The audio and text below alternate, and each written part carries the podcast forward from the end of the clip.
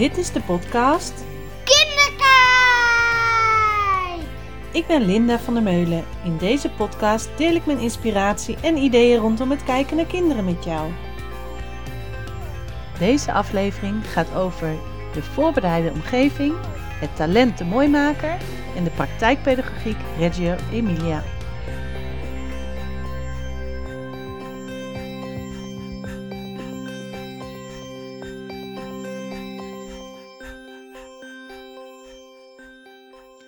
Wat super dat je weer luistert naar deze nieuwste aflevering, waarin we het gaan hebben over mooi maken, over de omgeving als pedagoog en de basis van de praktijkpedagogiek Reggio Emilia. En ik wil jullie heel graag meenemen in een voorbeeld wat een, uh, nou volgens mij twee weken terug of zo gebeurde op mijn werk bij de buitenkant. Is, uh, ik liep binnen, het was gewoon een willekeurige ochtend. En in mijn ooghoek zag ik dat de bouwhoek een beetje rommelig was. En um, mijn collega's zagen dat natuurlijk ook. En de kinderen die hadden er heerlijk gespeeld. En één collega die zei, ik pak het op vandaag. Ik ga met de kinderen in die bouwhoek aan de slag. Nou, nu hebben we binnen de buitenkant een hele grote bouwhoek met allerlei soorten blokken. Met in het midden een uh, podium waarop gebouwd kan worden. En omdat er zoveel verschillende materialen in die bouwhoek zijn, raken al die materialen natuurlijk ook heel vaak door elkaar. Dus als kinderen aan het bouwen zijn, ieder met hun eigen ideeën, dan voegen ze weer iets toe of ze halen iets weg. En waardoor al die materialen een rommeltje ogen. Nou, wat we daarin belangrijk vinden is dat we kinderen leren om het weer mooi te maken. Dus om het mooi achter te laten voor de volgende kinderen die aan het werk zijn. Of weer gaan bouwen of gaan spelen in de bouwhoek.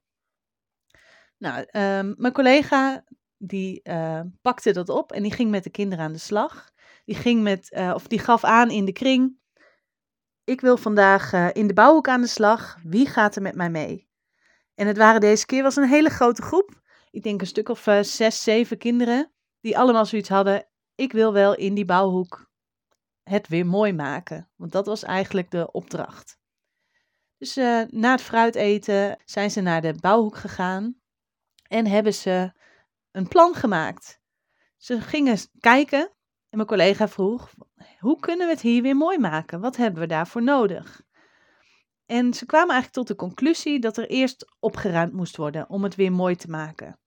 Dus de kinderen gingen super fanatiek aan de slag. Alles werd soort bij soort gelegd en gesorteerd, uh, werd uh, weer mooi neergezet in de kasten. Wat resulteerde dat het hele podium leeg was. Dus dat de hele ruimte weer opgeruimd netjes was.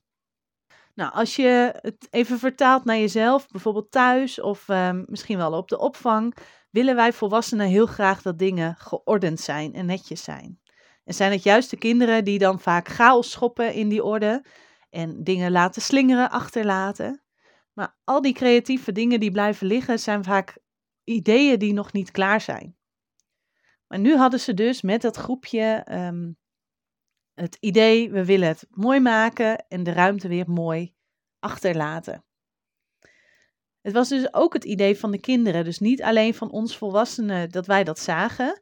Wij hebben het gesignaleerd, mijn collega heeft het aangegeven in de groep en kinderen voelden dat ook. Ja, als we het mooi achterlaten, kunnen we ook weer verder bouwen. Dan bouwt het ook weer fijner of dan speelt het weer lekkerder. Wat ze toen deden, toen hadden ze een lege ruimte en mijn collega had kunnen zeggen, nou, het is nu mooi opgeruimd, we gaan uh, iets kiezen om te spelen. Maar wat ze deed, was super gaaf. Ze vertelde, hoe kunnen we deze ruimte nou weer mooi maken? Dus ze had kunnen denken, nou, het is opgeruimd en netjes, het ziet er mooi uit. Maar ze vroeg eigenlijk, hoe kunnen we deze ruimte mooi maken? Wat kunnen we gaan doen om hem nog mooier te maken? En de kinderen die brainstormden wat en een van de meisjes die zei, ik wil graag een Elsa-kasteel bouwen. Nou, de andere kinderen vonden dat ook een goed idee. Eigenlijk iedereen. Dus ze kwamen eigenlijk met elkaar tot de conclusie: wij gaan een Elsa-kasteel bouwen. Maar hoe weet je nou hoe een Elsa-kasteel eruit ziet? Dus die vraag stelde mijn collega: hoe weet je nou hoe een Elsa-kasteel, hoe ziet die eruit? Hoe weet je hoe die eruit ziet? En toen zei een van de kinderen: dan moet je intypen op de computer Elsa Arendel. Dus mijn collega deed dat op de computer Elsa, Arendel. En er kwamen allerlei kastelen. Het Elsa-kasteel, het Disney-kasteel, verschillende kastelen. En uh, ze keken daar ook met elkaar naar op de, het scherm van de beamer, want ze projecteerde haar beeldscherm van de computer op de muur. En de kinderen wezen aan, volgens mij is dit het Elsa-kasteel, volgens mij dat. En ze kwamen eigenlijk tot de conclusie, ze wilden het tweede kasteel op de pagina wilden ze gaan bouwen. En mijn collega dacht, volgens mij is dat het Disney-kasteel en niet het Elsa-kasteel. Maar als zij dit idee hebben, dan uh, vind ik het prima. We gaan dat kasteel bouwen. En uh, ze projecteerden dat kasteel op de achtergrond, helemaal in het groot. Zodat de kinderen die konden gaan bouwen. En die kinderen, die zijn echt een hele poos. Het zijn peuters waar het over gaat. Dus uh, een, misschien een aantal van twee, maar sowieso waren ze drie jaar. Zijn een hele poos met dat kasteel gaan bouwen. En mijn collega die uh, stond erbij en keek ernaar. Ze observeerde. Ze maakte foto's. Ze schreef op wat de kinderen zeiden en deden. En af en toe droeg ze wat bij of uh, raakte ze materialen, wees ze aan, uh, bood ze aan. Maar wat ze vooral deed, is die stap naar achter en kijken, observeren. Wat doen de kinderen? Waar komen ze mee? Waar lopen ze tegenaan? En samen bouwden ze echt een fantastisch Elsa kasteel. Als je de uh, Instagram van Villa de Buitenkans volgt, dan heb je hem ook kunnen zien, want hij is voorbijgekomen met het verhaal er ook bij. Maar wat ze dus deed, was niet interpreteren. Ze keek alleen maar en luisterde naar de kinderen. Wat hebben de kinderen nodig? Toen die kinderen een ander kasteel dan het Elsa-kasteel aanwezen om te gaan bouwen, zei ze niet: Nee, dat is niet het Elsa-kasteel, je moet het andere kasteel bouwen. Het ging niet om dat doel, een Elsa-kasteel. Ze hadden met elkaar een plan, met elkaar ook een oplossing. Hoe zoeken we een Elsa-kasteel? En met elkaar zijn ze dus gaan bouwen. Dus het was echt een groepsproces van die hele groep.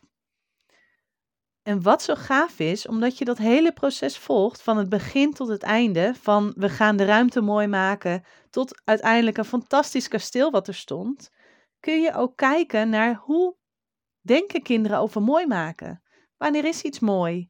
Wanneer ziet iets er goed uit? En hoe kunnen we oplossingen bedenken voor problemen? Als ik een rond blok heb die ik ergens op wil zetten, hoe past die dan? Hoe blijft die staan of hoe blijft die hangen?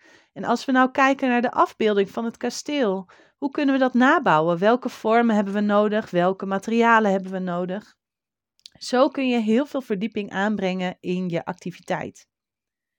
Dit zijn allemaal keuzes die je kan maken. Het is niet per se een goed of een fout hierin, maar het is wel welke keuze maak je op een dag. Laat je kinderen in een bouwhoek spelen Hoeveel soorten blokken heb je in je bouwhoek? Of als je thuis kijkt, wat bied je aan? Bied je een hele grote bak vol Lego of Duplo aan? Of sorteer je het kleur bij kleur of soort bij soort? Of grootte bij grootte? Er zijn mensen die heel veel behoefte hebben aan dingen mooi maken. Dus die op zoek zijn naar schoonheid, die bij alles wat ze doen naar een manier zoeken waarop iets nog mooier eruit kan zien die tevreden zijn als, je, als ze er zelf goed uitzien en genieten van mooie dingen om hun heen, een mooie omgeving.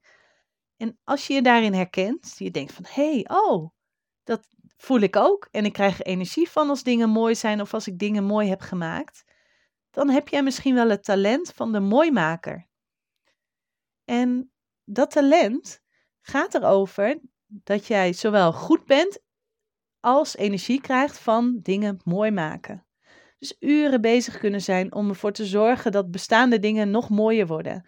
Of dat nieuwe dingen die mooi zijn, dat je daar gek op bent. Bijvoorbeeld mooie nieuwe kleren, mooie nieuwe spullen, mooie kunstwerken maken kan ook. Iedere mooimaker is dat op zijn eigen manier. Het gaat vooral om dat je mooie dingen aantrekkelijk vindt. En dat je heel graag ook dingen zelf mooi maakt. Nou, wat heb je daarvoor nodig? Is dus een omgeving waar die schoonheid en uitstraling belangrijk is. Want daar kom je het beste tot je recht. Dus je moet op zoek gaan naar mogelijkheden waarin jij kan bepalen hoe je iets wil maken. Nou, heel veel mensen hebben dit talent. Niet iedereen. Ik ben zelf echt geen mooimaker. Ik hou wel van mooie dingen, Maar het kost me heel veel energie om uh, dingen mooi te maken. Ik heb een plan in mijn hoofd en het wordt bijna nooit zo mooi als hoe ik het in mijn hoofd bedacht heb. Maar ieder heeft zijn talent. Ik vind mooie dingen wel heel mooi. Dus het is niet mijn talent, maar ik kan er alsnog wel van genieten. Nou, ik heb een aantal collega's die echte mooimakers zijn, die de geweldigste voorbereide omgeving voor kinderen maken, die het precies zo weten neer te zetten dat het er mooi uitziet, dat het er aantrekkelijk uitziet om mee te spelen, maar dat het ook speelbaar is. Dus dat je er ook mee kan uh, creëren, mee kan construeren. En daar heb ik zoveel bewondering voor. Want misschien ken je het zelf wel. Uh, als je bijvoorbeeld een mooi idee bedacht hebt. Ik hoorde van de week het voorbeeld. Nou, we hadden bedacht uh, op een dreumensgroep. We zetten een mooie tafel neer met Duplo-blokjes erin en een mooi voorbeeld erop. Die tafel is af te sluiten, dus we kunnen hem ook af en toe eventjes aan de kant zetten. Maar we willen wel de Dreumense uitdagen om dit, uh, deze activiteit te gaan doen. Binnen misschien wel vijf minuten, misschien tien minuten, misschien een half uur, ligt de hele ruimte bezaaid onder Duplo-blokjes. Terwijl we zo bewust de keuze hadden gemaakt, mooi die Duplo-blokjes, mooi uh, in de kleuren van het seizoen, dus vooral oranje, geel en rood op dit moment, omdat het herfst is. En binnen de kortste keren lijkt het één grote bende. Maar wat zit daarachter? Wat doen die dreumissen? Die dreumissen willen ontdekken. Die willen zien wat gebeurt er als ik dit doe. Je kan daarin afbakenen. Je mag met de blokjes rondlopen binnen dit gebied. Dus dat je een soort kader afspreekt van hier kan het. Je kan het loslaten en daarna het opruimen belangrijk maken. Dus letterlijk aan de dreumissen benoemen, we gaan het weer mooi maken. Verzamel maar eens alle blokjes. En dan kun je zelfs een spel van maken. We verzamelen nu alle rode blokjes. We verzamelen nu alle oranje blokjes. En het gaat er dan niet om of ze het goed of fout doen. Maar het gaat erom dat ze leren dat je dingen afmaakt. Dus dat het onderdeel van het proces is, als je ergens mee gespeeld hebt, dat je dan ook het afrondt. Dus dat je daarna weer terugstopt in de bak of op de plek waar het hoort. Dat je het mooi achterlaat voor de volgende die aan het werk willen op die plek. En dat geldt hetzelfde thuis. Als je alle benden maar laat slingeren, want zo voelt en, en ziet het er dan uit, dan kun je ook niet lekker verder werken. Het is heel belangrijk om een lege ruimte te hebben om weer nieuwe ideeën te kunnen laten bruisen. En ook dat je weer je spulletjes sorteert, zodat je als je weer verder wil of als iemand anders verder wil, dat je het ook weer terug kan vinden. En soms zit je met die talenten dat ze ook wel eens elkaar dwars zitten. Mijn dochter bijvoorbeeld is een echte ideeënfontein en een creatieve maker, waar we het de vorige keer over hadden. Maar ze is ook een mooi maker. Maar soms zijn, zitten al haar ideeën en al haar creatieve plannen dat mooi maken wel dwars. Want dan heeft ze zoveel onafgemaakte ideeën om zich heen liggen. Eén grote rommel lijkt het dan, waardoor het niet meer lukt om het mooi te maken. Dus daardoor mag ze het ook gaan leren hoe dat werkt. Nou, deze manier van kijken, dus alle ideeën die ik geef van de voorbereide omgeving, van hoe je kan kijken naar uh, kinderen, het, het observeren, vastleggen wat je ziet, dat komt natuurlijk ergens vandaan. En dat is de praktijkpedagogiek Reggio Emilia. Nou, als je mij al een beetje kent, dan weet je dat dit de basis is van mijn manier van denken, manier van werken. Ook als je andere podcasts hebt gehoord, dan heb je daar alles wat dingetjes over gehoord. En ik wil eigenlijk nu en de volgende afleveringen wat meer stilstaan bij wat betekent die praktijkpedagogiek nou voor mij. En afgelopen week was er een uh, webinar uit Italië, dus uit Reggio Emilia, Italië. Dat ging over de honderd talen van kinderen. En wat ik zo mooi vond aan wat ze, hoe ze daar benoemden, en het is mijn eigen interpretatie, mijn eigen um, vertaling, want de webinar werd in het Italiaans gegeven, werd in het Engels vertaald. En ik heb er daar mijn Nederlandse vertaling van gemaakt. En ze zeiden, om naar iets te kijken, moet je het eerst kunnen zien. Je ziet de wereld alleen op jouw manier. Want wij kunnen niet in de ogen van een ander kijken. We weten niet waar die ander mee bezig is, wat hij aan het doen is, waarom hij de dingen doet zoals hij ze doet. We kunnen er wel naar vragen. En we kunnen wel kijken naar wat past bij mij op dit moment? Wat denk ik dat bij mijn kind past op dit moment?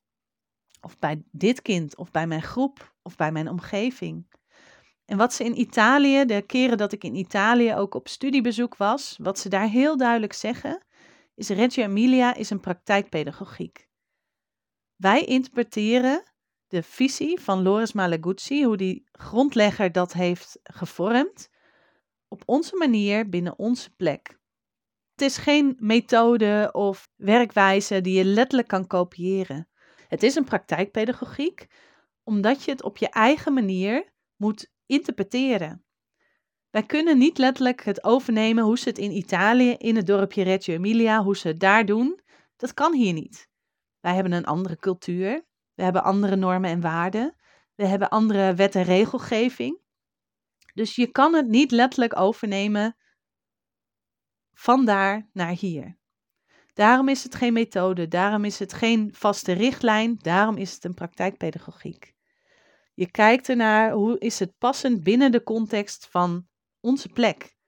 En ook in Nederland zijn er heel veel kinderdagverblijven die werken geïnspireerd door de pedagogiek van Reggio Emilia. En op elke plek waar je komt, interpreteren ze weer dingen op hun eigen manier, op een andere manier. Omdat je dus niet letterlijk kan kopiëren. Want je hebt te maken met een omgeving. Op welke plek staat je kinderopvang of je huis? Met welke omgevingsfactoren heb je te maken? Dus uh, voor de kinderopvang, wie is je doelgroep? Voor je thuis, wat is jouw visie op opvoeden? Uh, met wat voor partner ben je samen? Wat vind, hoe denken jullie samen? Wat vinden jullie van het begeleiden van kinderen? In hoeverre vind je dat kinderen ruimte moeten krijgen en competent moeten zijn? Dus je kijkt vooral binnen jullie context, wat past daar binnen? Kaders, de kapstok noemen we het ook wel, waar uh, Reggio Emilia op gebaseerd is. Dat zijn de honderd talen, het competente kind en de drie pedagogen. En de komende podcast uh, afleveringen ga ik steeds bij een van die ja, hoofdlijnen, een van die kaders, um, mijn interpretatie daarop met jullie delen. En wat ik je eigenlijk nu wil vragen, is er stil te staan bij hoe doe ik het op dit moment? Dus welke dingen ben ik blij mee? Als je kijkt naar de inrichting van je omgeving, hoe je kinderen begeleidt, hoe je kind zelf in zijn vel zit of de kinderen van je groep. Hoe je kijkt naar wat kinderen zelf wel of niet mogen doen. Hoe je kijkt naar activiteiten die je aanbiedt of dingen die je doet met de kinderen. Hoe vind je het eigenlijk dat het op dit moment gaat? En waar zitten voor jou de punten waar je aan wil werken of waar je iets mee wil doen? Eh, wat ik ook heel leuk vind als je dat met me deelt. Dus als je me een berichtje stuurt via mijn website of via Instagram of Facebook of uh, mag ook privé. Laat het weten, want ik denk heel graag mee en ik wil heel graag met je meekijken. Of als je ideeën hebt, uh, superleuk om daar een soort van beweging in te krijgen. En ik wil je eigenlijk ook een soort van uitdagen. Vind je het goed zoals het nu is? Of blijf je nieuwsgierig naar nieuwe mogelijkheden en ideeën? En wat een mooi boek kan zijn ook om daarin te gebruiken. How to be an explorer of the world. En dat boek, uh, de subtitel is Een draagbaar museum. En zo voelt het boek ook wel een beetje. Want het is niet een normaal leesboek. Er staan allemaal uh, platen in en het lijkt wel handgeschreven. En er staan ook allemaal ideeën in die je zou kunnen doen om de wereld te ontdekken. En het is een Nederlands boek. Tenminste, hij is in het Nederlands vertaald. En er staan allemaal voorbeelden in van hoe je de wereld om je heen kan onderzoeken. Bijvoorbeeld uh, dingen die je kan verzamelen, op welke manieren je dingen kan verzamelen, op manieren waarop je licht kan onderzoeken of um, geluiden in kaart kan brengen, bouwwerken kan maken. Het zijn eigenlijk allemaal een soort van inspiratiepagina's die je op elk moment, waar je ook bent, kan toepassen. Op de achterkant van het boek staat dat ook, dat er altijd honderden interessante dingen om je heen zijn die de moeite van het documenteren waard zijn.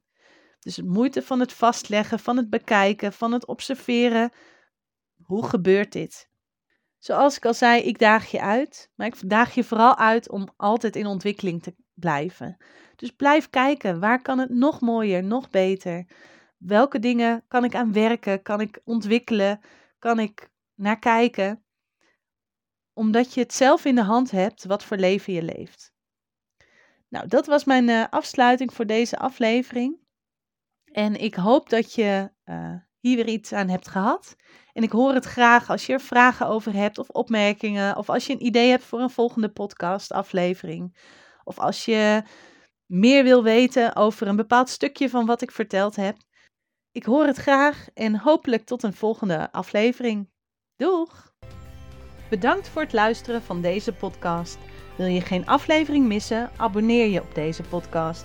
Heb je vragen of ideeën voor een volgende keer? Laat het mij weten via www.kinderkijk.com of Kinderkijk op Facebook of Instagram. Denk je dat deze podcast interessant is voor anderen? Laat een review achter of deel hem. Doeg!